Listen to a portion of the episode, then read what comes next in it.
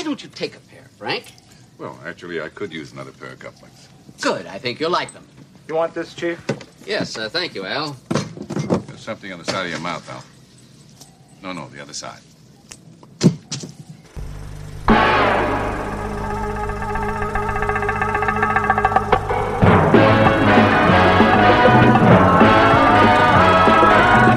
When it comes to entertainment, you can't beat a good film.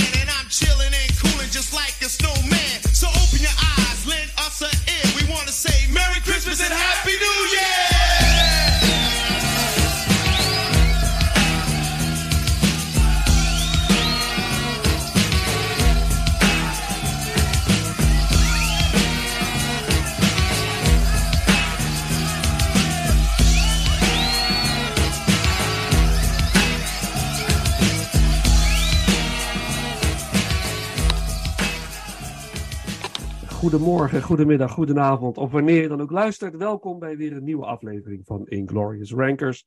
De podcast waarin we films ranken. Van franchise tot filmjaren, van acteur tot actrice. En vanavond gaan we het hebben over een filmjaar. En natuurlijk met niemand minder dan Paul. Paul is natuurlijk van de partij. Uiteraard. Voor de derde keer is hij er weer bij. Dat is Willem. Willem Vlag, welkom. Goedenavond. Hoi, hallo. Superleuk dat je eh, er weer bij bent. En je bent eigenlijk een beetje een soort van de 80s guy eh, geworden. Ja, Ja, heel confronterend, maar het is zo. Ja, nou ja, wat we ook al in de vorige ranking tegen elkaar zeiden, is dat, dat de, eh de 80s wel een beetje de decade is die ons dicht bij het hart ligt. Nader, en en het, het leek ons wel leuk om, om eh, jou dan steeds terug te vragen voor weer een jaren 80 jaar. ja. Nou, dit was een super makkelijk jaar, toch, heren? Precies, precies. Tuurlijk. Ja, ja. Dus eh, ja, zullen, we al, zullen we al verraden waar we het over gaan hebben? Nou, doe. Gooi Ja? erin. Eh, nou ja, het gaat vanavond, vanavond om eh, 1988. Oh, En, eh, ja, en, het goede eh, jaar gepakt. ja, ja, precies. Oh, ja, ik was, oh, Nee, was ik 86. Wacht even. Oh, Nee. ja. Oh, ja. Eh, maar goed, eh, eh, het jaar 1988. Eh, Willem zei al voordat we begonnen met de opnames van, misschien is het leuk om even te vermelden wie of hoe oud je was in 1988. Waar je je begaf, wat je deed en wat het jaar voor je betekende. Dus Willem, zou jij willen aftrappen? Ja, leuk. Nou, het, is, het is 1988. Ik word eh, dit jaar 18 jaar in september. En eh, ik ben eh, net voor de eerste keer van mijn leven serieus van, van school getrapt. En, en ik woon net in een grote stad, in Rotterdam. En ja, ik, ik begin van, van film te houden. Ik begin mijn smaak te ontwikkelen. Kom er nu achter, nou, misschien niet de allerbeste smaak eh, ter wereld. en ik heb een topjaar. Ja, ik maak mee. eh, echt heel- vond ik heel memorabel in 1988. Nederland wordt Europees kampioen voetbal. En ik hou niet eens super van voetbal, maar ik had tot dat moment nog nooit van mijn leven zo'n volksfeest eh, meegemaakt. Dus je kon in Rotterdam de straat op en gewoon, maakt niet uit wie, in de armen springen. En het was allemaal goed. Een soort Summer of Love, één dag lang. Ja, ja. ja mooi. En, en- en Paul, jij?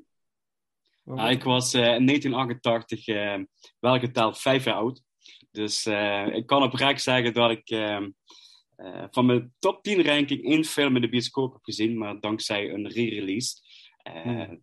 heb ik deze film toch eh, nog op het grote scherm kunnen zien. Maar voor de rest eh, ja, ben ik er overal... eh, heb ik het vooral moeten zien eh, de jaren daarna. Maar dit is, dit is een prachtig filmjaar eh, als je zo'n... eh, als je je gaat voorbereiden dit. En eh, ik, ik schrok er zelfs een beetje van. Dus, eh, maar dat Ja. zal ik wel ook gedurende de opname vertellen. waar, de, waar de schrik dan precies zit, laat Oh, ik ja. het zo zeggen. oh, interessant. interessant. Ja. Ja, ik was, ik was eh 12, ik werd 12 in mei 1988. Ik heb wel een aantal films van mijn lijstje in de bioscoop gezien, niet allemaal. En ja, ik zat in groep 8, ik ging naar groep 8, dus was bij mij ook een soort glorieus jaar of zo. Ik vond Ja. het, eh, en eh, qua, eh, ik was natuurlijk al een enorme filmfan toen al. Dus ik wilde alles zien wat ik maar kon zien. En dat heb ik ook gedaan van mijn zakgeld en van met mijn vader. En, dus ik, ik vooral ik, veel liefde voor de latere periode van 1988, kerstperiode.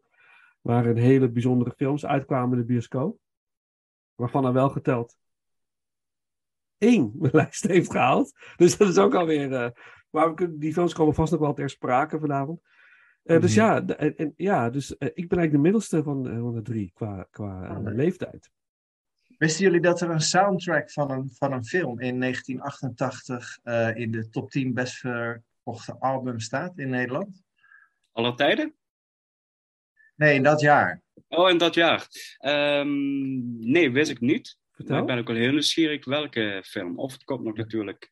eh, Nee, nee, nee, zeker niet. De film is uit 87, maar eh, de soundtrack van Dirty Dancing doet het dat jaar Oh. heel goed. Oh, Uiteraard, Dat jaar ja. doodgegooid met ehm, eh, Bill Medley en Jennifer Ward. Ja, ja, Time of My Life. Juist, juist, Dat is ook een juist. beetje inherent aan, aan jouw gevoel bij dit jaar, eh, Willem, of niet? Ja, ja, ja, Ja. ja. Het hele idee hè, dat, een, dat je met een meisje ging dansen en dat je haar dan zo op moest tillen. Ja. Dat was het jaar ervoor. Hè. Ja, ja, ja, ja. Nu was je alweer wat verder. Maar ja, Is- ik denk dat we ook wel alle drie mogen opbiechten. We hebben het allemaal wel eens een keer geprobeerd te optillen. En dus al die keren niet gelukt, persoonlijk. Nou, Nou, Paul, dit, is- dit in het zwembad gaat het best het beste doen. In het Ja. zwembad. ja, maar dat had ik op dat moment niet bij de hand, een zwembad. Oh,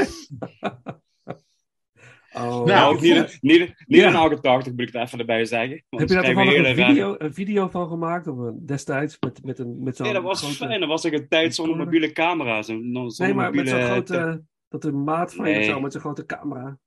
Nee, nee, die kregen we, kregen we de discotheek niet in, eh in Oh, een keer gesmokkeld. Oké. Geweldig. Oké. ehm, nou, we gaan dus 1988 ranken. En ik wil, voordat we starten, wil ik eigenlijk... eh, ik, ik, ik, eh, mijn werk, ik, geef trainingen en ik werk met mensen die eh, het best moeilijk hebben. financieel en zo. Die zitten in een moeilijk proces in hun leven. En eh, toen realiseerde ik mij ineens van, jeetje, er, er komt een hele heftige winter aan voor veel mensen met alle energierekeningen die omhoog gaan. Het is echt verschrikkelijk. En waarschijnlijk als dit uitgezonden wordt, is het eind september. Nou, dan is het misschien nog niet eens dat mensen het zo heel erg al voelen, maar het gaat komen. En dan denk ik, wat, wat wij doen eigenlijk, is eigenlijk gratis en voor niks voor mensen een soort van ontspanning bieden. En mensen kunnen, en dacht ik, dat is best wel waardevol wat we doen eigenlijk. Dat, dat, ik vond het heel mooi. Je kan gewoon intunen. Eh, de podcast is gewoon gratis te vinden overal. En je kunt gewoon twee of drie uur lang eh, je even laten eh, eh, eh, meevoeren in, in de wereld van film. Eh, met muziek en anekdotes en grappen en lachen. En ik denk dat is wel heel waardevol. Dus ik denk dat we iets waardevols doen voor mensen. Daar moest ik ineens aan denken. Ik denk dat los van dat we iets achterlaten als, eh, in de vorm van eh, als er ooit aliens komen. Hey, wat is dat? Eh, Willem Vlag, weet je dat? en dat ze dan of generaties na ons denken, hè, Dirty Dancing, en dat weer opnieuw ontdekken. Dat is heel waardevol, maar dat ook. En dat wilde ik toch even benoemen of zo. Ik, misschien stom, maar. Nee, helemaal niet. Dat, dat is ook eh, een, een van de ja, redenen waarom ik dat ook doe. Ja, Is dat je eigenlijk gewoon een, een bepaalde passie eh, kunt delen met mensen. Ehm, en ik zei ook vaker van, ik snap niet waarom er altijd een, een geld of een prijskaartje aan moet zitten als je Ja. iets met iemand kunt delen. Het is vele malen leuker als je iemand iets kunt geven en je, ja, het brengt iets positiefs voor die persoon en denk je, nou, alsjeblieft, mijn cadeautje aan jou.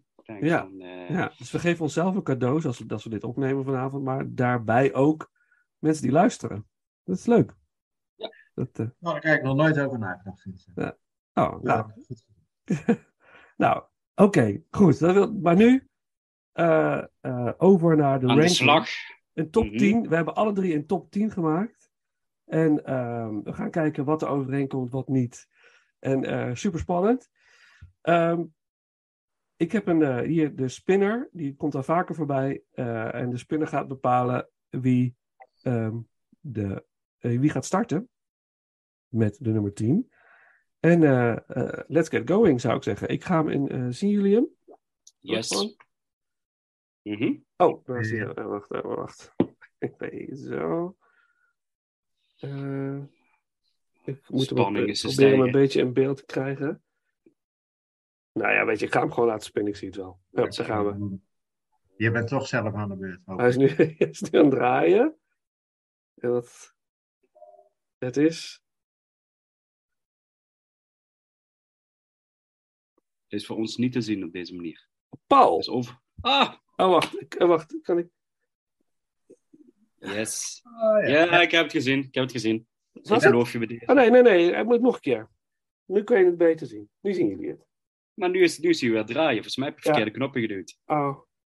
Wat gaat er nu komen? Paul. Ja, weer Paul. ik. Weer ik. Nou, weet je, dan moet het zo zijn. Ik weet niet wat het is, maar eh, ik kan het staatswoord Ja. Ja, Dus eh, ik zou het doen. Paul, jij gaat beginnen. ik ga beginnen met mijn nummer 10. Ja, nummer Mijn 10. num- Ja. Mijn nummer 10 is eh, Red Heat. Eh, een film met eh Arnold Schwarzenegger en Jim Belushi. En ehm, dit is... eh, nou ja, ik zie aan jullie reacties dat deze film eh, ook op jullie lijstjes minimaal voorbij is gekomen in overweging. Laat ik het even zo zeggen, zonder te veel eh, direct te verklappen. Maar ik moet zeggen, ja, ook voor de luisteraars, de reacties van zowel op Willem als, als, als Vincent, nou, het loopt er niet op, laten we het zo even zeggen. nou, Red Heat. Red Heat is een film, eh, ja, is eigenlijk een bodycop film waar, we, waar we in de jaren tachtig heel veel, best veel van hebben gezien. Eh, er zit ook nog een andere leuke bodyfilm in dit jaartal. Ehm in ieder geval, ja, Arnold Schwarzenegger is een Russische agent, eh, Ivan Danko. En eh, hij gaat naar Amerika om een eh, Georgische drugdealer op te sporen in Chicago. Ehm, en hij wordt samengezet met Jim Belushi, gespeeld, eh, of hij speelt Art uh, als ik het goed zeg. En eh, ja, dan krijg je natuurlijk een, een, clash van cultuur, eh, taal, barrière, maar ook werkmethodes. En het, de ene is lomp, de andere is grappig en sarcastisch. En het, ja, vooral de busscène, de busachtervolging, eh, waar ze half Chicago mee naar de puin rijden, is, is ik wil niet zeggen onge- ongeëvenaard, maar wel echt puiken, puikenwerk voor de jaren eh, 88, om het zo te zeggen. Dus dit is een film waar ik, als hij op televisie bij komt, maar al te graag eh, naartoe zap en blijf kijken en misschien ook wel opneem. Eh, dit, dit is eigenlijk zo'n, ja, nou, nee, ik zou bijna zeggen een guilty pleasure, maar dat, dat, dat is hij zeker niet. Het is gewoon eigenlijk een pleasure, zeg maar. Er is niks guilty aan. Het is gewoon eigenlijk gewoon een leuke actiefilm. Dus eh, vandaar mijn nummer 10, Red Heat. Red Heat. Ja, Hij, staat, hij staat niet in mijn lijst. Bij jou, Willem? laten we- Nee, Ook niet. zo ongeveer mijn nummer 11. Ja, ja, ja, precies. eh, ja, ja. Ik, moet, ik moet wel, eh, om toch maar even toch nog een, een, een bekentenis op te biechten. Ik, ik zat een lijstje te maken en ik, ik heb best veel films van 1988 gezien. Eh, maar ik realiseerde me ook op een gegeven moment dat ik, ik kon van sommige films gewoon te weinig herinneren om ze echt mee te nemen in de ranking. Dus ik ben toch wel wat enigszins voor veilige keuzes gegaan. Eh, anders kan ik wel een titel noemen, maar dan kan ik er niks bij vertellen, afgezien van ik vind het een prachtige film. Want eh, die, die zijn er wel. En ik hoop stiekem dat ze bij jullie lijst voorbij komen, dat ik daar even mag inspringen. ja, Dus, nou Red Heat is wel echt, echt een hele coole film. Ik moet ook gelijk denken aan de openingsscène met Arnold Schwarzenegger in dat badhuis. ja, Zo'n ja, badhuis, echt briljant. Eh, Ja, het is natuurlijk puur Arnie wat je hier te zien krijgt. Het is echt... maar ook eh, Jim Belushi is echt wel een hele goede counterpart voor, eh voor Ja. Arnold Schwarzenegger in deze film. hij heeft eigenlijk nooit echt eh, de credits gekregen, dit soort films. er staat ook altijd zo'n film Royce bij, daar speelt Jim Belushi ook een bepaalde agentachtige type. Hm. Ehm, ja, is ook zo'n film. Ik weet niet van welk jaar het is, maar ja, als, hij ook, als die voorbij komt, dan kan ik hem blijven kijken. Dus gewoon eigenlijk heel erg leuk Ja. wat hij doet. Gaaf. Dus, en de film is van Walter Hill, hè? Die, Oh ja, regisseur ja, van, ehm, van eh, eh, eh, eh, 48 Hours ook. En Mhm. Another, Another 48 Hours volgens mij ook. Ja.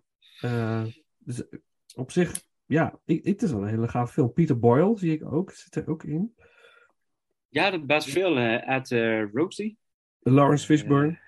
Lawrence. Fishburne, ja. Ja. En Oh, eh, ja, er zit inderdaad best... eh oh, Ed Ross, ik zeg het verkeerd. Ehm, dat is eh, de main villain. Gina Gerson, eh, mooie vrouw, is ook belangrijk. Heel belangrijk. Ehm, maar ja, dit is, dit is ja, Arnold Schwarzenegger eigenlijk eh, de Russische Terminator, wat hij eigenlijk hier speelt. Eh, want dit, dit is zo lomp en zo, ja, recht door recht aan. Dus het is, Ja. het is gewoon echt genieten op dat gebied. Dus, Dit En een geweldige filmposter. hoogtijdagen van, eh van Schwarzenegger zitten we. Of ja, hoogtijd in dit, deze area, deze tien Ja, jaar. de jaren Dat, 80. eh, ja.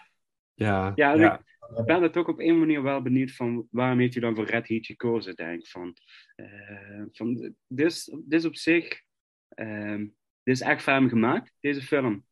Eh, maar het is eigenlijk niet, als je naar zijn hele oeuvre kijkt, de, echt de grote knaller, zeg maar. Dit is, dit is echt een, een, een, een degelijke actiefilm, zeg maar. Dus, ja, het is een beetje een soort van... Dus volgens mij zijn, zijn laatste ethisch film hiervoor is Predator, 87 volgens mij. Oh, Twins volgens mij. Dat is ook Het is ook 1988. uit Ja, 88. Ja, dat is ook 88. Ja, ja, ja. Dat Totaal anders weer.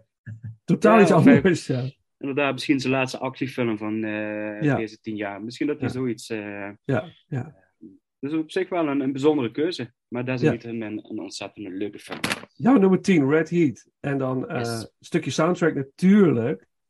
En dat, eh, dan doen we de main titles door niemand minder dan James Horner. Eh, een van de grote filmcomponisten, eh, vooral ook in die tijd. En in de jaren 90 ook natuurlijk heel veel gedaan. Maar James Horner was wel echt eh, huge in de 80s ook. Dus dat. En dan, eh, Willem, wil jij de volgende pakken? Ja, Is goed. Oké.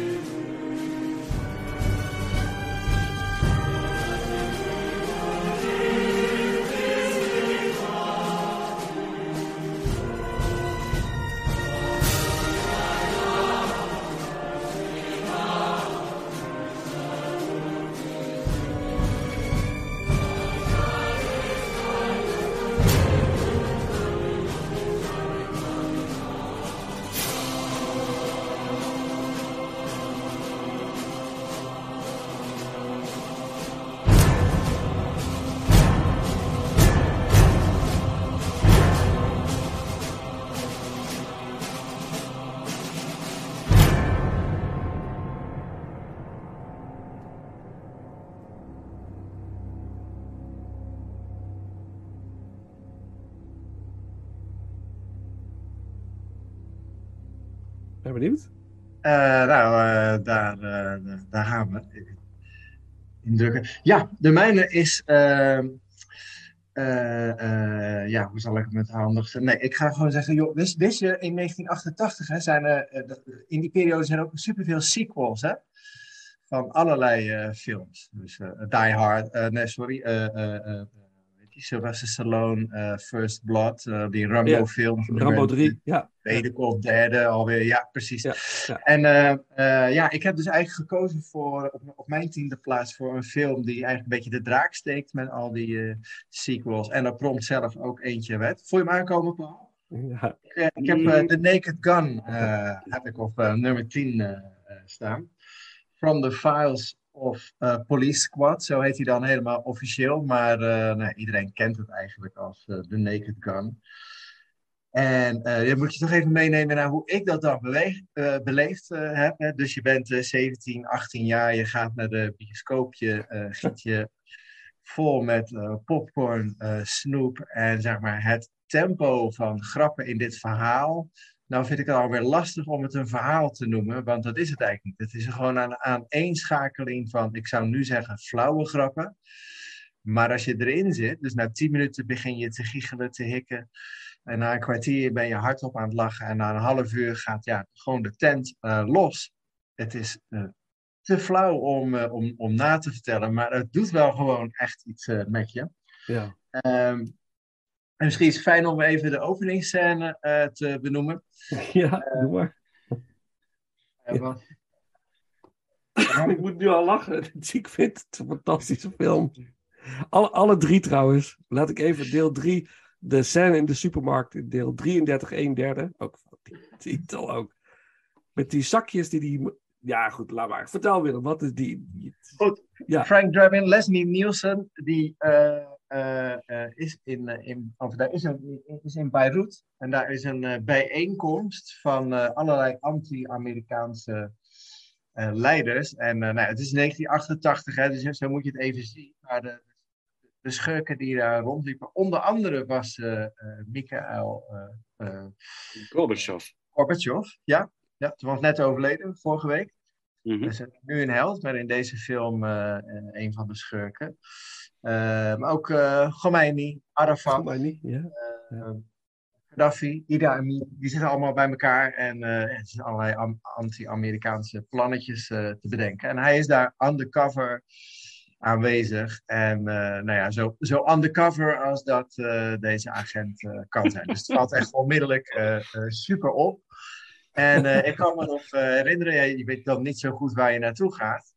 Kijk, bij, die, bij de sequels weet je, oké, okay, dit wordt een film met dit type humor. Maar bij de eerste weet je dat nog niet. Dus even van, oké, okay, uh, gaat dit de flauwe kant op? Nou, en vanaf dat moment, vanaf die scène, ja, lig je toch gewoon helemaal in een deuk, mannen. Dat is het toch? Ja, ja, ja, ja, ja heerlijk. Ja, ja, ja, ja. Het is ook volgens mij wel een beetje, een beetje mannenhumor. Ik ken weinig vrouwen die heel erg hard om kunnen lachen. Weinig, bijna niet eigenlijk. Jullie wel? Uh, nee. Uh, nee, ik denk, dat je gelijk, ik denk dat heel veel grappen misschien uh, nu ja. niet eens per se zouden uh, kunnen. Nee, absoluut niet. Ik, ik heb toevallig geweest, ik heb een paar weken geleden heb ik de eerste film uh, en de tweede film ook gekeken. Daar uh, staat ik mijn lijstje. Gewoon als echt uh, ontspanning voor even als je, als je een drukke dag of week hebt gehad. En ja, ik, ik, ik, inderdaad, wat je zegt, van vanaf de eerste vijf minuten, je ziet, je ziet ze allemaal zitten, de, de, de wereldleiders, om zo even te zeggen, van de andere kant, zullen we even zo zeggen. En ik schoor dat dreigende lach. En het, het was naar stereotyperen en denk, en terecht wat je zegt, van de meeste grappen zou uh, anno uh, 2022 helemaal niet meer kunnen. Dan zal de studio zal echt uh, nog liever de tende de fik steken dan dat ze deze film zouden gaan produceren, zeg maar. En uh, dat, dat vind ik wel jammer. Ik zat op een gegeven moment te denken, uh, te denken tijdens jouw uh, verhaal van... Oh, zou het toch niet eens grappig zijn om juist wel zo'n type film in de bioscoop te kunnen brengen? Ja. Maar dat is, dat is, dat is onduidelijk. Ik weet niet of het nog zou aanslaan. Nee, dat denk ik ook niet. Dat, uh... en, en, ook even wat, wat tijd doet hè, met, uh, met mensen. Dus in dit, uh, in, hier zit O.J. Simpson speelt een, nou niet prominent, hè, maar ik komt wel gewoon heel de film voorbij. Ja, was in die, tij- die tijd natuurlijk een, eh, echt een all-American hero. eh, helemaal niks eh, mis mee. En ja, als je dan bedenkt tussen 1988 en nu, wat er in het leven van die man eh, gebeurd is. Ja. In ons beeld. Hè? Maar- Ja, maar toen speelde hij eh, samen met eh, Priscilla Presley en eh, Leslie Nielsen gewoon lekker eh, in een film. Ja, ja. Prachtige Dit, ja. Wat een keuze. Naked Gun. Ja, moet Ja. erin, sorry hoor. Hij moet Ik- erin. Nee, geen sorry zeg ik. Fantastisch. De Naked Gun. Oké. eh, de legendarische openingstune dan van de Naked Gun. En, die sirene die dan overal, die auto die overal inrijdt, die politiewagen met die sirene die op een gegeven moment ook Oh, eh. Girls Locker Room inrijdt. Zo van- ja. Ik krijg nu al wel zin om gewoon te kijken. Gewoon. Ja, Dat is prachtig gewoon. ja, Oh, heerlijk. zou je er niet voor over hebben om bij die opnames aanwezig te zijn? Want die Leslie Nielsen heeft toch ook gewoon een droog, kloterig gezicht waar je eng van wordt. Hoe, Ja. hoe kan die man zo blijven kijken? In... Ja. ja, ik hou van Leslie Nielsen ook van. eh, we hadden het over de over eh, tijdens de Exorcist hadden we het erover. Wat is nou ehm, nog los van die Exorcist een hele goede film over exorcisme? Possessed met Leslie Nielsen. met de persiflage op The Exorcist. Fantastisch. Ik raad jullie ook allemaal aan om Wrongfully Accused te kijken. Met Hm, Leslie ja, Nielsen. prachtig. Ach, eh, Is ja. Dat is zo van eh The Fugitive, hè? De, Ja, ja, dus- ja. Of ja, ja, ja, Ja. ik heb hem gezien. Heerlijk. Ja, ja, en Spy Hard. Spy Hard. Oh, Ja, ja, ja. Hot Shots. Komt er voor mij ook voorbij. Shots, ja, ja, maar dat is niet met Nielsen, geloof ik. Maar goed, maakt niet uit. Nee, toch niet? Oké. We doen, we doen de main title van de Naked Gun. En wie weet, komt hij ergens in onze lijstje nog wel maar nog een keer terug. Eh, Ira Newborn maakte de muziek en eh, we gaan luisteren.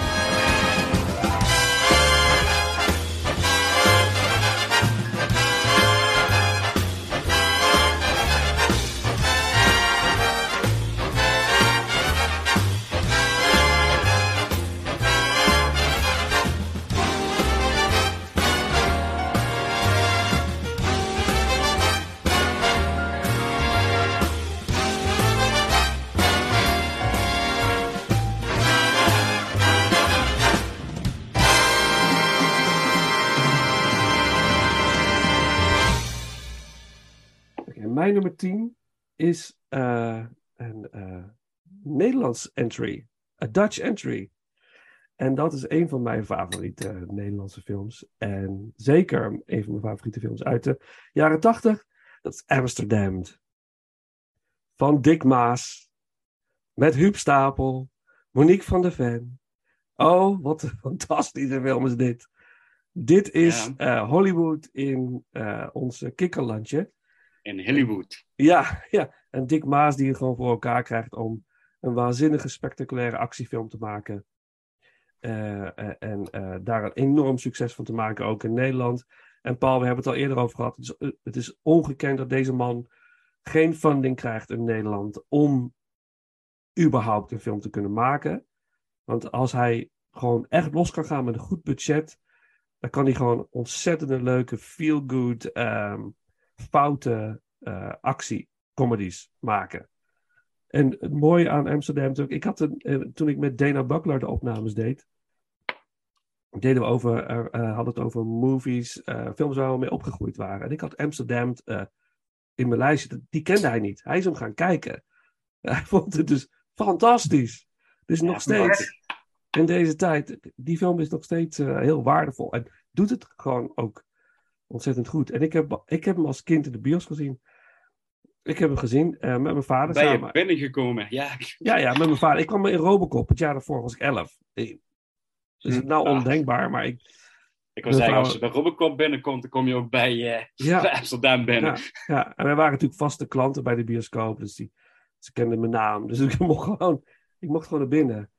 Ja. Dus iemand in Arnhem bedacht: oké, jij bent 12, jij mag best naar deze slasher movie. Dat mag jij gewoon. Nijmegen. Ja, ja. Nijmegen, sorry. Ja, ja, ja. ja, ja. mijn vader was erbij, dus ja, gewoon mee. En de, het, het, heeft mij niet beschadigd, denk ik.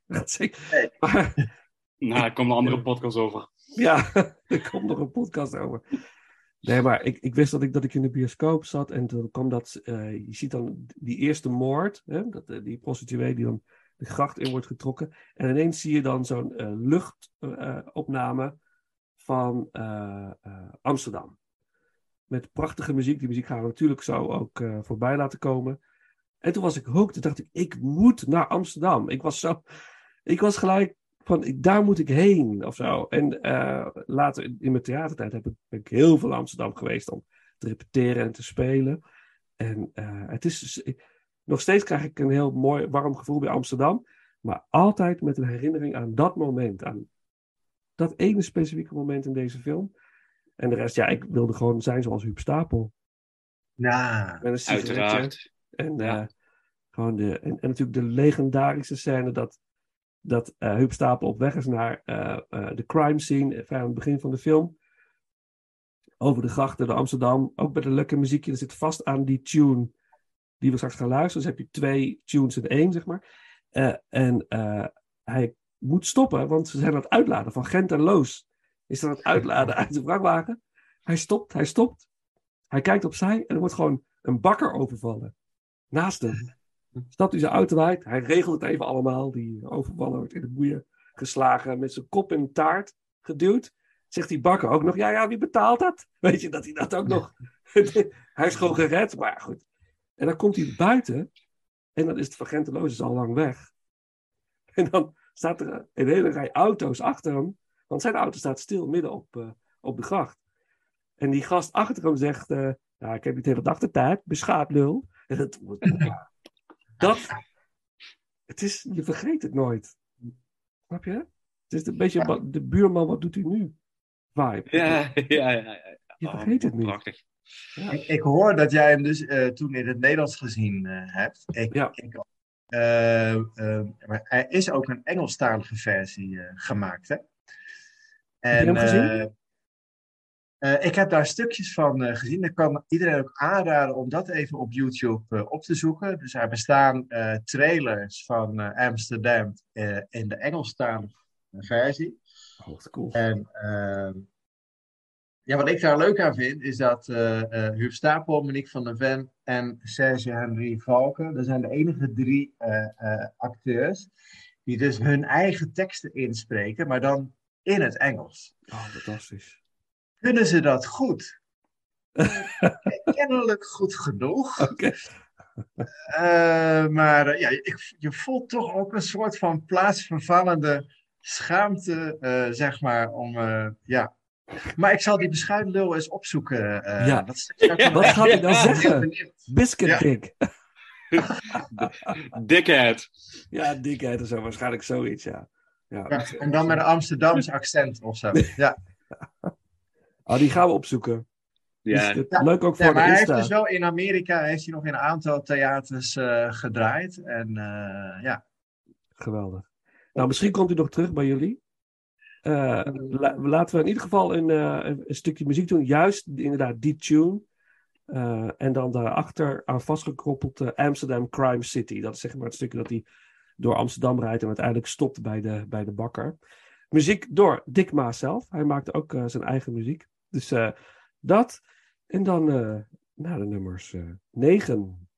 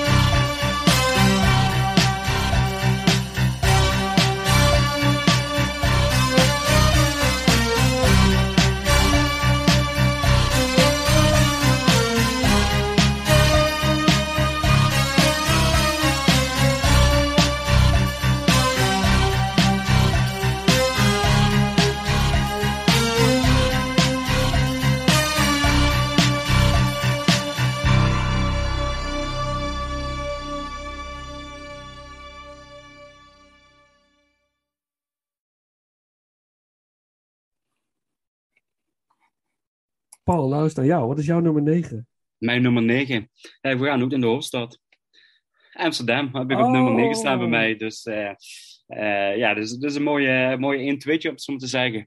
Ehm, ja, het komt met name, ik, ehm, tijdens mijn middelbare schooltijd, in de jaren 90, is Wim Zomer, de enige echte Wim Zomer, is bij ons op school geweest voor een, eh, voor een masterclass of een presentatie over film maken. En heeft dus Amsterdam als voorbeeld gebruikt om uit te leggen hoe een aantal zaken in, eh, in de filmwereld werkt. En bijvoorbeeld een van de dingen wat hij vertelde was dat alles met één camera wordt opgenomen. Dus, en hij gebruikte daar de, de scène van een cafetaria in, waar Huub eh, Stapel zit tegenover een andere acteur, volgens mij Wim Sommer zelf. Ze hebben een dialoog. En eh, ondanks dat er dus van verschillende perspectieven shots zijn gemaakt, werd het allemaal met één camera gedaan. En dat was vooral te zien door middel van de mensen die achtergrond, eh, figuranten, hoe die voorbij liepen. Daar, eh, daar kon je aan zien dat er dus wel wat foutjes in deze film zitten. En er zitten wel wat nodige foutjes in deze film. En dat heeft Wim Somers, eh, Zomer toen allemaal verteld. Hij is ook vooral bekend van eh, Goede Tijden, Slechte Tijden, Wim Zomer. En ehm, ja, dat, is, dat ben ik nooit vergeten. Dus vandaar dat Amsterdam voor mij heel snel een lijstje kwam. Ehm, en ook daarom op de negende plek, omdat ik dan toch... eh, ja, we hebben gewoon eigen live presentatie over Amsterdam ge- gekregen. Maar dat, dat niet alleen. Ik vind het ook gewoon een waanzinnige leuke Nederlandse film. En eh, dus wat je ook al zegt, van dit is Hollywood in, eh, in Nederland. En eh, de laatste jaren is het misschien wel wat meer aan de hand door eh, de hit, Hitman, Bodyguard en eh, de, Hmm. de Falls of the Stars. Dat, dat toch eh, Amerika makkelijker naar Amsterdam komen om eh, films te maken. Ocean's 12. Eh, maar nu zag je ineens dingen wat je denkt, ja, het zie je eigenlijk alleen maar Amerikaanse films. Eh, met name ook de eh, achtervolging. waar eh, Dickie Beer, de, de Nederlandse stuntman, die, die was de, de stuntman voor Huub Stapel.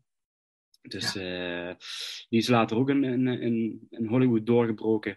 Eh, dus deze film heeft echt wel veel betekend voor acteurs eh, Dick Maas, Maas zelf, maar ook denk ik ook de Nederlandse filmindustrie voor internationaal gezien. Wat we ook al eerder zeiden van deze film heeft echt wel ook wel internationale indruk gemaakt. Ehm, en ik vind het dan extra leuk als je dan vertelt dat Dana Buckley ehm, zoveel jaar na dato nog steeds enthousiast over deze film wordt. Eh, ondanks dat hij echt wel zijn cheesy momenten heeft en eh, bepaalde corniness heeft. Ja, maar dat is juist de kracht, hè? Dat is... Precies, maar is er nog steeds gewoon eigenlijk een, eh, een, eh, ehm, ja, een, een, een ja, dijk van een film, wat gewoon overeind blijft staan. En daarnaast ook van, eh, ja, iedereen weet wel een moordscène uit deze film te herinneren. Want er zijn meerdere moordscènes. Want dan is het uh, Leetien Ruiters die, die ineens op een bootje op de, op de gracht drijft waar een mes door plastic steekt. Eh, en zij komt, uh, worden aan de brug gehangen met, met een boot, met padvinders. Dus alle moorden ook, die zijn ook wel behoorlijk iconisch. Ehm, ja, en ja, toch ook wel behoorlijke one-liners die, die voorbij komen, die, die je toch denkt van, wow, daar hadden ze toch wel wat meer energie in mogen steken. Maar het is zo fout dat het wel leuk is. En ik, ik ben er wel benieuwd hoe dan die Engelse versie is, als je die one-liners... Ja, ik moet Eh, dat zien. Ik moet dat zien. Ja, ja, ga dat opzoeken. Ja, ik mag bij je aanhaken, Paul, want eh, het is namelijk ook mijn eh, nummer 9. Voel je mij Tuurlijk mag dat. Mooi. Nee, ik, ik doe mee met de kenners. Ja, ja. Nou, het is gewoon liefde voor de film, hè, Willem? Het is gewoon Ja, liefde voor de, Ja. voor de film. Ja. Ja. Maar wat ik her- erg herken in, eh, in wat Paul eh, zegt, eh, even los van het verhaal, wat ik eh, eh, in die tijd ook heel eh, eh, tof eh, vond. Ik vond eigenlijk heel veel acteurs, voor de leeftijd die ik toen had, vond ik heel vanzelfsprekend. En nu zit ik laatst dat li- lijstje nog eens even te bekijken. Wie zat er nou eigenlijk in die, eh, in die film? En nou ja, het lijkt wel of je iedereen eh, kent. Uh, Bert Haanstra heeft een mini-rolletje erin ja. als dirigent. Ja. Tatum Dagelet, maar dan natuurlijk super jong als de, de dochter van Huub. Eh Leontien Ruiters inderdaad. Maar ja, wat, wat, wat wisten we toen van haar, zeg maar. Gilles Crosset, Pieter Lut, eh Lou Landré, nou ja, Hede Maas. eh, Ja, Hede Maas. Ja. aan mensen die, daar, die daarin eh, zitten. Ja, en- Ongelooflijk. Ja, ja, fantastisch. Eh, en eh, wat bedacht je inderdaad? Er was er nog één. Een acteur bedoel je? Ja, een van de een acteur. Dus Jules Crosset? Jules Crosset, zit- is die burgemeester, speelt hij volgens mij, hè? Hans Dagelet zit er Hans Dagelet, die zocht ik. Ja, Hans Dagelet. Eh goede act- theateracteur ook, ja. Ja, ja. En, en, en- en beste kennis, eh, weten jullie het budget van deze film? Het waanzinnige budget waar dit voor gemaakt is? Gooi het in de groep. Wil je het in guldens of euro's? Ja, doe maar guldens. Guldens. Guldens. Voor 6 miljoen gulden, jongens, is dit. Ja. eh, Ja, ja. En volgens mij heeft hij er acht of zo. eh, Hoe heeft hij opgebracht in Nederland? Hij heeft het wel eruit gehaald, dacht ik, eh, Amsterdam. Ik, ik hoop het voor hem, maar Ja. überhaupt hè, midden in Amsterdam, die speedboot-scènes bijvoorbeeld. weet je. Ja, ja. Er is een heel, oh, Simon van Kolm heeft ook nog een heel klein rolletje. Eh, Van eh, Simon Scoop. Weet je, de, de, de, de, de filmman uit de jaren tachtig die het filmprogramma had op tv. De Tros had Simon Scoop. En eh, er is op YouTube een leuke eh, achter de schermen documentaire te zien van Amsterdam. Dan kun je een beetje zien hoe ze het hebben gemaakt. En eh, ik weet ook dat Huub Stapel nog steeds een blessure heeft. Ja. Van, Ja, eh, nee. ja, ja, vanuit, eh, vanuit die uh, speedboot scène. Wat niet helemaal, eh, helemaal goed is gegaan, zeg maar. Dus, Maar was het ook zo dat een van die scènes eh, in de grachten van Utrecht is opgenomen? ja, stukje. Als, als, die over de, als die speedboot over de, door, eh, door het terras heen gaat, zeg maar. De, Ah, oké. Ja, dat is in. Utrecht. Eh, dat is niet in Amsterdam niet mogelijk. Of dat was toen niet mogelijk. Oude Gracht in Utrecht, ja. ja. Het, eh ja, prachtig. Waanzinnig, hè? Maar dat, dat vraag ik me toch af, hè, wat, wat, wat Willem dan zegt. Deze film is voor 6 miljoen gulden gemaakt.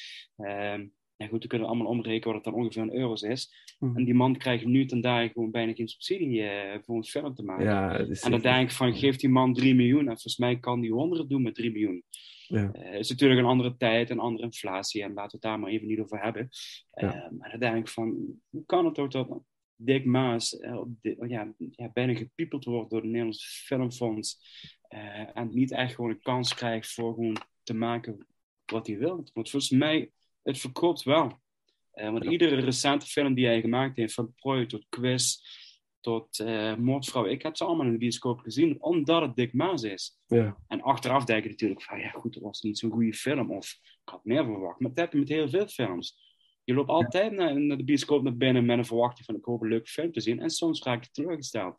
Ja, dat gebeurt ook bij Nederlandse regisseurs. Dus Ja, maar- Ik snap dat soms niet zo goed. eh. Over het algemeen zijn de films van Dick Maas altijd wel onderhoudend.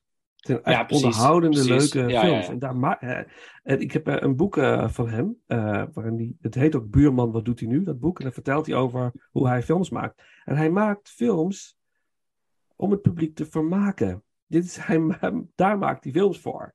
Niet, niet om ons te laten nadenken of zo, of een diepere laag te ontdekken. Maar hij wil gewoon puur entertainment maken. En dat is ook volgens mij ja, misschien komt het wel weer een beetje terug. Dat is misschien wat we ook wel een beetje nodig hebben hè, nu. Ja. lekker, daarom is volgens mij Maverick ook terug. Zo'n gigantisch succes. Het is gewoon heerlijk om naar te kijken. Je, bent, je raakt even helemaal alles kwijt. Je verdwaalt even in de film. En niet, daarna heb je een lekker gevoel in plaats van jeetje, wat een deprimerende toestand. Dat moet ik even laten bezinken. Dat je Maar thuis ook- weer aan de alcohol eh, gaat. eh. Maar ook die film doet gewoon precies wat de kijker wil zien. Het doet het gewoon goed. En dan denk ik van, als je dat gewoon goed uitwerkt, dan, dan heb je heel veel factoren niet nodig. En kun jij een film gerust in de bioscoop pleuren. Ja. En eh, dan, komt het vanzelf goed, denk ik. Denk ik ook. Hebben ze lef? Hebben ze lef? Hebben ze lef. Nederlands Filmfonds luistert naar ons. Maar, Eh, ehm, eh, komen we langs. Nou, dat is wel heel mooi. Dat, eh, gewoon alle drie hebben we hem eh, eh, in onze lijst. Dat vind ik wel heel gaaf. Dus ja, als je hem niet gezien hebt, ga vooral kijken. Volgens mij kun je hem in zijn geheel op YouTube ook kijken. Amsterdam, dus doen over de, de seriemoordenaar die de grachten van Amsterdam onveilig maakt. En Stapel die hem gaat ontmaskeren.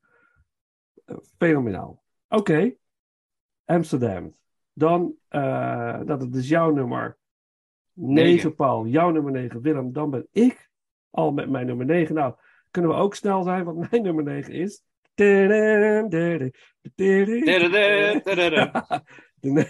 Naked Gun. Oi, oi, oi. Iedere keer als ik die film zie, rollend van het lachen. Wat is dat grappig, zeg. En een van de leukste scènes, waar ik echt, oh, die spoel ik ook vaak terug als ik kijk. Dan komt hij in, het, in de police station. En dan heeft hij, eh, ik weet niet precies wat, wat ze doen. Ze hebben een, een gesprek. En dan komt Ed komt in beeld. En Ed is een heel lange man. En die zie je niet alleen maar zijn, zijn eh, torso zie je in beeld. hij is super groot. En hij kijkt ook zo omhoog. Hi Ed. En zegt hij, je hebt iets eh, bij je mondhoek zitten. En dan valt er gewoon zo eh, 20 centimeter banaan valt naar beneden. En dan de blik van Leslie Nielsen is, is echt goud waard. Ja, ja. Dat is- en dan, oh, dan heb ik het niet meer. Ik- Hoe, wat hebben zij gelachen ook tijdens die opnames? Van, nou, wie bedenkt het? Prachtig. Prachtig. Ja, dat is goud. Dat is gewoon echt goud. Ja. ja. Mag ik dan ook een flauwe uit dezelfde film? Oh, eh, alsjeblieft, tuurlijk. alsjeblieft. Ja, ja, ja. ja, ja. Een hele korte. Eh, zij staat onderaan een, eh, een ladder. En een dame die eh, een rok is naar boven. En zij kijkt zo omhoog, min of meer onder haar rok. En hij zegt, nice beaver. En zij zegt, thank you. Om dan vervolgens, komt er dus in beeld een opgezette bever. die Bever, zij ja, het is, het is echt super flauw, maar het is echt geweldig. En natuurlijk ook eh, de voortreffelijke. Ehm, eh, God, ik had het net in mijn hoofd, wat, daar ben ik er weer kwijt. Natuurlijk de, oh, de, de, de, de lijktekening op het water is ook hilarisch. Dat. ja. Eh, wat, oh ja, oh ja, ja, ja eh, veilig vrije. eh, safe sex. Ah, ja, dat hij ja. inderdaad een hele condoom over zijn hele lijf heeft. eh.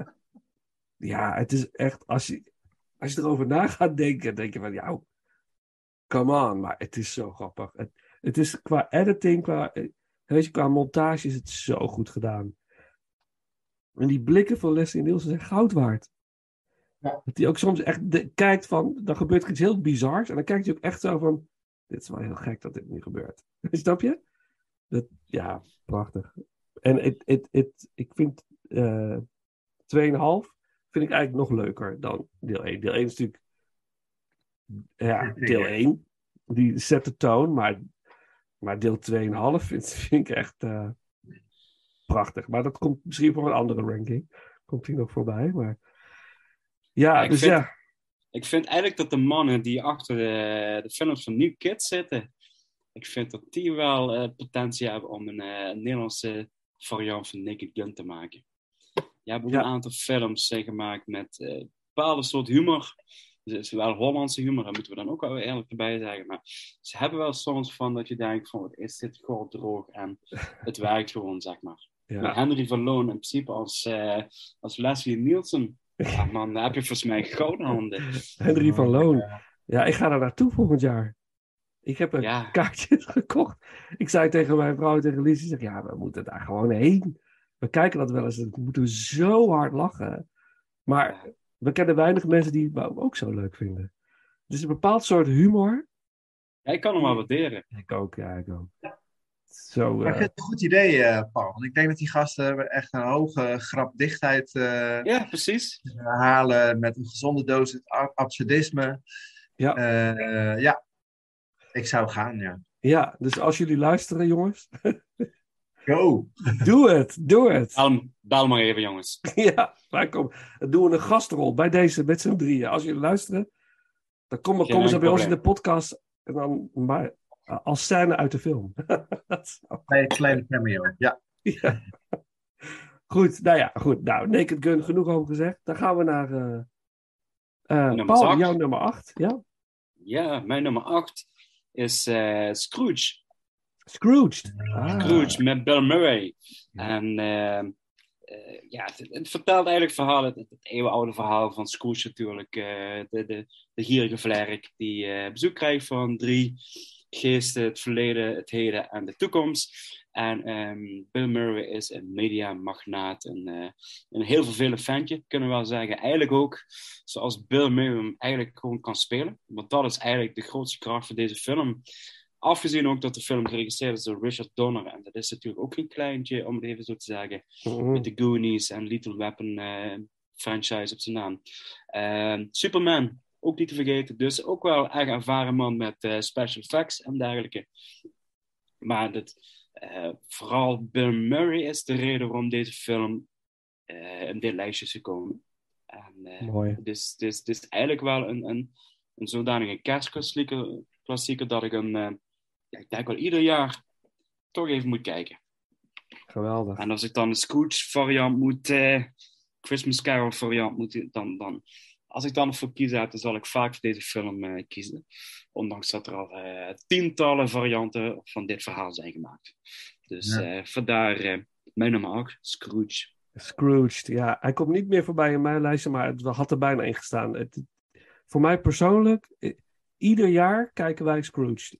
Iedere kerst. Eh, en dat eh, het blijft leuk. Iedere keer weer. Ja, en, en dat het- komt door Bill Murray. En het werkt zo goed. En dan Ja. denk ik van, ja, dat is wel wat ik me soms afvraag met films uit de jaren tachtig. Van, die films uit de jaren tachtig hebben iets wat ik soms wel mis in de huidige films. En ik kan er soms echt moeilijk de vinger op leggen. Hmm. Maar het- er is een bepaalde, ja, ik wil het geen mag- magie noemen, want dat is misschien wat, wat, wat overdreven. Maar er zit wat in die films eh, dat ik denk van, eh, dat ik toch altijd de neiging heb van als ik moet kiezen, dan kies ik liever voor een oudere film dan voor een modernere film. En dat vind ik Mhm. iets heel apart, om zo te zeggen. Ja, wat zou dat zijn? Heb jij enig idee? Misschien van- moest je in die tijd wel eh, echt, echt oprecht acteren, omdat, eh, hè, met alle respect, maar ja, er is geen CGI of andere dingen die jou eh, helpen om in een karakter eh, te geloven. Dus de acteur moet het voornamelijk gewoon zelf doen. Zijn mimiek, zijn tekst, en, eh, hoe, die, hoe die het invult. Misschien is Mhm. het gewoon puurder, om zo te zeggen. Is het, is het puurder qua acteerwerk en qua ook ja, gewoon film maken. Misschien is dat het ook. en dat, dat heb ik ook wel bij andere films die nog in mijn lijstje voorbij komen.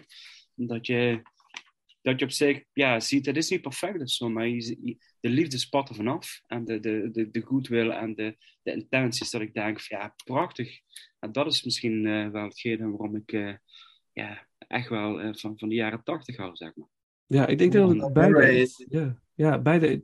eh, dat, ja, Bill Murray is natuurlijk fantastisch. Maar inderdaad, de, de special effects zijn goed. En, eh, maar ook het acteerwerk daar tegenover is volgens mij sterker inderdaad dan nu. Ik, het voelt echter. Het voelt waarachtiger. Ik weet niet, ik kan het ook moeilijk benoemen ook hoor. Ja, en dat is, dat is het ook van als ik dat moet uitleggen, vind ik het ook zo moeilijk om te zeggen van, maar ja, als ik dan toch, dan kies ik liever voor die, die film bijvoorbeeld. Eh, of, of kijk maar gewoon eh, ja, tegen andere films, Predator. Eh, de eerste film blijft op een of andere manier. En als je dan bijvoorbeeld kijkt naar de huidige films, dan heb ik het even niet op de laatste film Prey. Maar pak bijvoorbeeld Predators, eh, het meervoud. Eh, volgens mij we 2010 of 11. Je hebt, je hebt alles ter beschikking, eh, special effects, eh, budget. Je hebt, je hebt best capabele acteurs. En toch werkt het niet op een manier. En wat is het dan dat ik denk van... Dan denk je van... Ja, weet je, de film van, van 87 is ook niet echt een groot verhaal. Of het is eigenlijk gewoon een heel simpel verhaal. eh. tien commando's die Ja. ten opzichte Ja. van een alien bezig zijn. En dan krijgen we eigenlijk wel hetgene waar we zojuist ook over hadden. Als je gewoon het goed doet... Ja. Ja. Maar misschien ook wel een klein lansje breken voor Bill Murray eh, eh, zelf. Want eh, die komt natuurlijk wel altijd over als een, als een hele autonome, onberekenbare, precies alles wat je zelf zou willen, hè? overal scheid aan hebbende eh, persoon. Die hij in werkelijkheid ook is. Het schijnt echt heel vervelend te zijn om überhaupt iets te regelen waar hij bij betrokken is. Omdat hij niet op kon dagen of aan de andere kant van de planeet blijkt te zitten of eh, nou, in kennelijke staat en al die dingen. En eh, dus eh, bijvoorbeeld in deze film heb ik gewoon het idee, ja, het is alsof hij het zelf ook is. Even los van het verhaal, dat kennen we, maar hij is gewoon, ja, Hij speelt, Murray zich- speelt zichzelf. eh Palm. En het, de jaren tachtig waren ook wel echt zijn hoogtijdagen. Hè? Met, met Ghostbusters en eh, Groundhog Day. Eh, ja, dit is, hij zat er wel op een eh, gevierde stoel, zeg maar. Terwijl hij Dus, toch nog eh, mooi terugkeert met Lost in Translation en Broken Flowers uiteindelijk. Dat mhm. is mooie Prachtig, eh, maar die laat zich van een andere kant zien. Dat is ook heel bijzonder. Maar goed, we, we, we moeten door. Eh, misschien komt hij nog voorbij, Scrooge. En wat, wat eh, eh, mooi is, Scrooge, hij, hij is heel grappig en hard en bru bruut soms. En, maar hij eindigt zo mooi hartverwarmend. Met het nummer Put a Little Love in Your Heart. Die doen we ergens als een outro bij een van de afleveringen. Ja, maar- maar goed. En de film opent met een terrorist attack. En dat vind ik ook zo fantastisch. En doen we die score doen we door Danny Elfman. En dan eh, jouw nummer 8, Willem.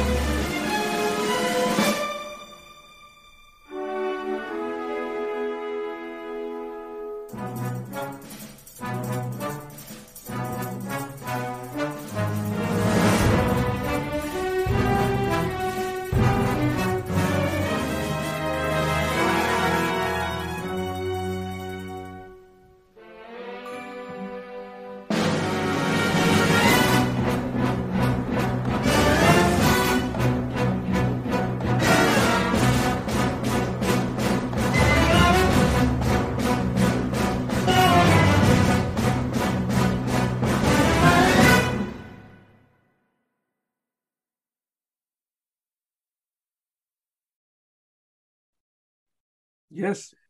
Mijn nummer 8. Ja, dat is een, eh, een eh, eh, super toffe film. Ik heb het wel eens gehad over eh, de Brad Pack in de jaren 80. Dus een groep jonge acteurs die heel vaak met elkaar in films zaten. En een aantal daarvan zitten dus in deze film. Ik heb het, ik heb het over Young Guns. Oh, Young Guns. fantastische film. Emilio Estevez, Charlie Sheen, Kiefer Sutherland. Om er maar eens eh, drie te noemen. Het is een westernfilm met nou eens niet van die eh, verrimpelde oude revolverhelden. Eh, ook niet eh, super brede, eh, eh, eh, ge- geharde, maar jonge gasten. Waar ik, toen ik 18 was, me best wel mee kon vereenzelvigen. En zijn het nou de good guys? Nou, nee. Emilio Estevez is Billy the Kid. Nou ja, die, die, die kennen we niet omdat hij, omdat hij zoveel liefdadigheidswerk deed. En dat is ook niet in deze film. Eh, eh, hij, wordt erop af, eh, wat op losgeschoten. En tegelijkertijd heeft het iets, dat, vond ik in die tijd dus heel, heel, heel tof. een goed en een kwaad. Dus het is, ja, er zijn een hoop slechte in deze film waarmee afgerekend moet worden. En eh, wat bij mij veel indruk maakt, is dat ik ehm, in, het, in het verhaal. eh, ik, ik ben een man van happy endings. Hè. Dat vind ik mooi als dingen, als dingen fijn eh, eindigen. En dat is niet per se zo in deze Nee. film. Eigenlijk iedereen die belangrijk voor je is, wordt helemaal in elkaar geschoten op het eind. Waar we overigens nog een heel klein, heel, heel kort rolletje van Tom Cruise voorbij zien, zien komen. Oh, ja. Uh, ja.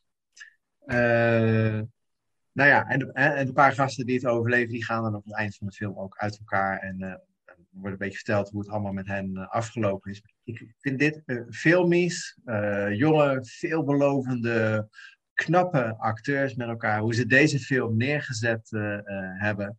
Ik wist in die periode niet eens dat Sheen en Emilio Estevez broers waren. Niet onder welke steen ik toen leefde. Oh, ja. Maar ja, dat had ik, dat had ik helemaal niet door. Zou ik niet zeggen. Nee, ik vond ze helemaal niet op elkaar lijken. Maar nee. goed, het is wel. Uh, ja, ik vond het een hele toffe film. Echt een goede film om met je meisje naartoe te gaan. Ja, het is echt. En wat vond je van een vervolg? Goeie. Ja, nou dat weet Vincent wel. Ik, uh, ik haat sequels. ik ga bijna nooit naar een deel 2, al moet ik toegeven dat ik naar Maverick ben geweest. Maar dat is, daar, daar zat ik best wel tijd tussen. Ja, is je vergeven. Dus, uh, maar je, jij hebt deel 2. Oké. Oké. Okay. Nee. Hoe, wat vond jij ervan, Paul? Heb je iets gemist? Nou, um, uh, zonder te veel te verklappen van mijn verdere lijstje, om even zo te zeggen, van, uh, ik, ik vond uh, de tweede film beduidend minder. Eh, en het, het, het, straalde eigenlijk alles vanaf van deel 1 was een onverwachte hit, om het zo te zeggen. Dus we moeten deel 2 komen. Uh, en dan merk je wel dat er wat, wat kunstingrepen zijn gedaan. En mm -hmm. dat het eigenlijk gewoon een, een, een redelijke simplistische actiefilm uh, is geworden, zeg maar. Mm -hmm. dus. Oké. Okay. De charme van deel 1 is... Uh, is weg. En ook een, ook een mindere regisseur die, die op het achtertoer staat, zeg maar, op dat moment. Ik weet even niet wie, wie de eerste film gemaakt heeft, even in mijn hoofd. ja, maar ik weet dat hier. De tweede film is gemaakt door, door Geoff Murphy. Geoff Murphy. En die is vooral bekend van Under Siege 2 Dark Territory. Yes. En de Second Unit. Ja, dat is, wel een dat is wel een klassieker. Maar dat is even een ander verhaal. En uh, als Second Unit Director van de Lord of the Rings films. Mm. Dus uh, hij, hij, kan wel wat, maar het is niet een regisseur waarvan je zegt van... Nou, daar ga ik voor naar de bioscoop, zeg maar. De, reg de regie is van Christopher, Christopher Kane. Kane. Ja, Christopher Kane. Ja, ik zeg maar eigenlijk niet zo heel veel als ik... Nee, ik denk dat hij meer heeft gedaan. The Principal, kan, kan ik nog... Oh ja, uh, ja. Wel, Karate Kid, ja. Lassie. Oké. Okay. Gone Fishing, wel flauw, ja. Een goede soundtrack ja. ook. Uh, de filmmuziek is van uh, Anthony Marinelli. Dus dan gaan we zo een uh, stukje doen. The Shootout. En natuurlijk doen we Blaze of Glory van Bon Jovi ergens. Yes. Dus, die doen we ook nog ergens. Dat is natuurlijk ultimate classic. ja. ik, kan me nog herinneren dat die, die videoclip op tv was met stukjes uit Young Guns. En dan... Ja, je kunt het zien op YouTube. Ja, gaaf Willem. Dit is een goede keuze. Ja. Oké, Young Guns. Dus een stukje soundtrack. De Shootout heet de track.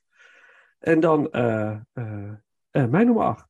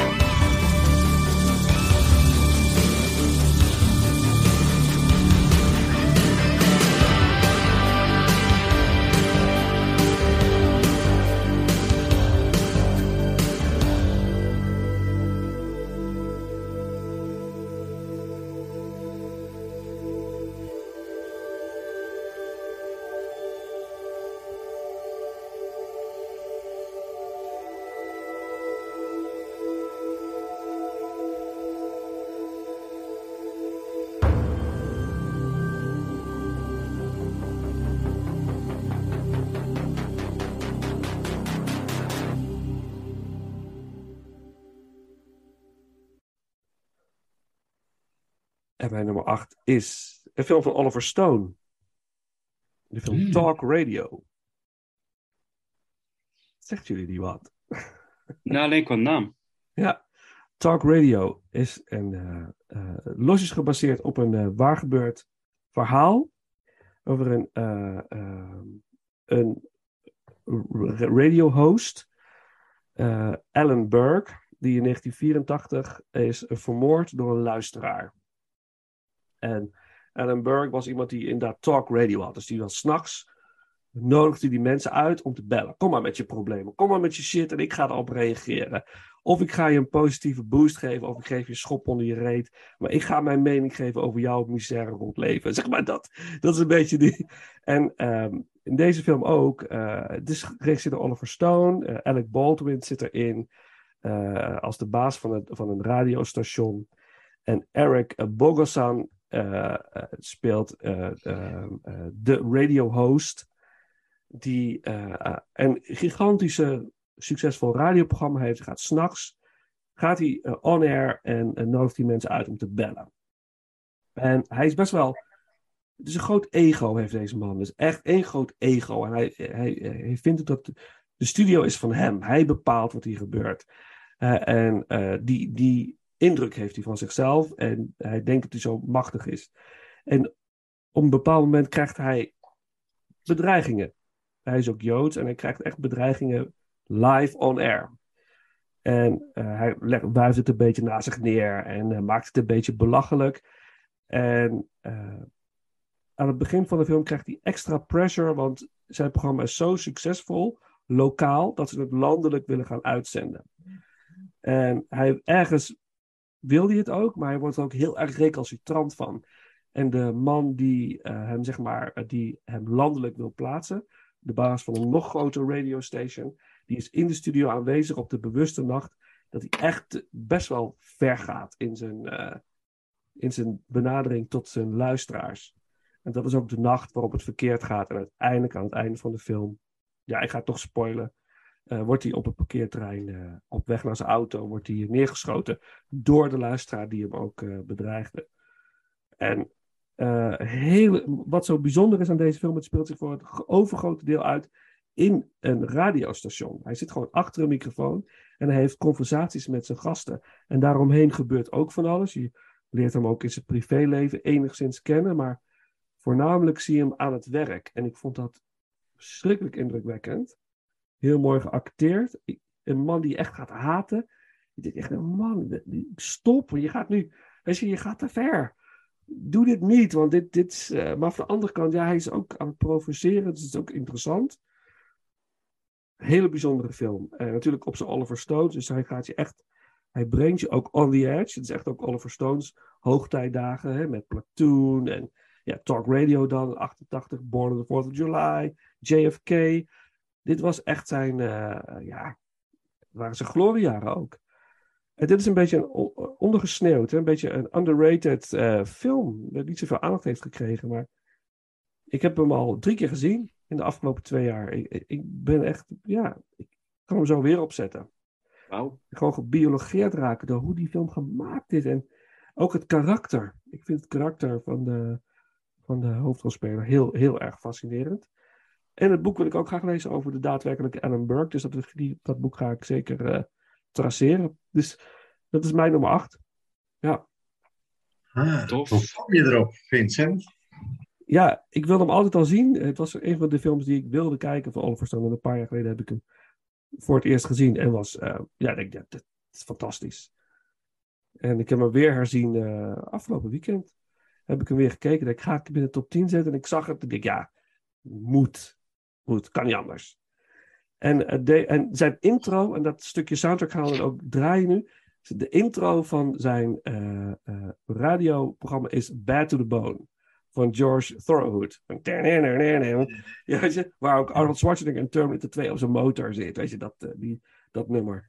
En daar begint... en het is hij ook, hij is ook bad to the bone. Zo presenteert hij zichzelf ook. En wat zo mooi is, is dat hoe hard hij ook is, hoe meedogenloos hij ook is, er zit iets in zijn blik. En dat vind ik zo goed aan deze acteur. Er zit een onzekerheid in zijn blik. Je ziet het. Als je een beetje mensenkennis hebt en een beetje verder kan kijken, zie je dat, die, dat er een hele diepe laag onzekerheid onder ligt. En dat zo. Maakt het tragisch en heel interessant. Dus ja, Talk Radio. Tof. Bad to the bone. En dan nummer 7, Paul.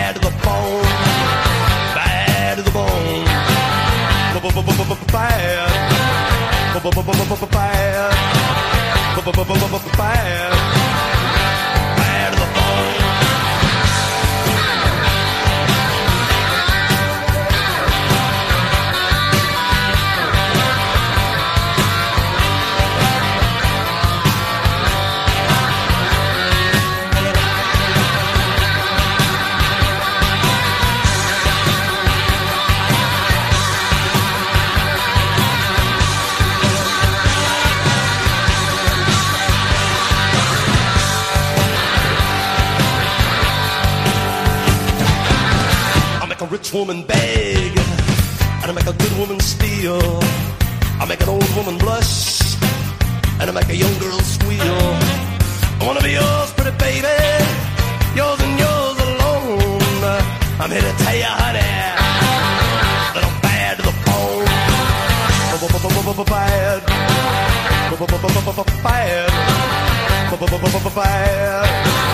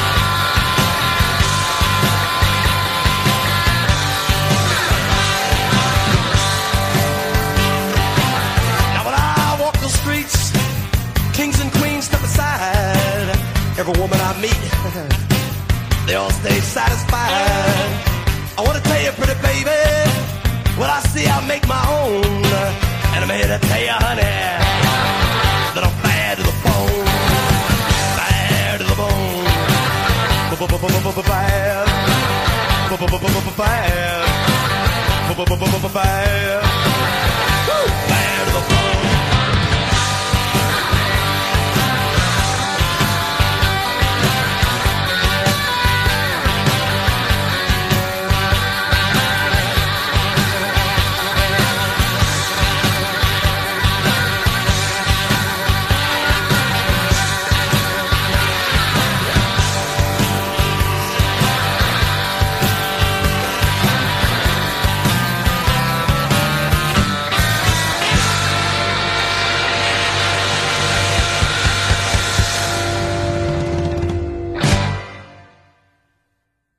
En dit brengt ons alweer aan het einde van deze aflevering van Inglorious Rankers, ranking 1988. Volgende week gaan we natuurlijk verder met deze ranking samen met Willem Vlag.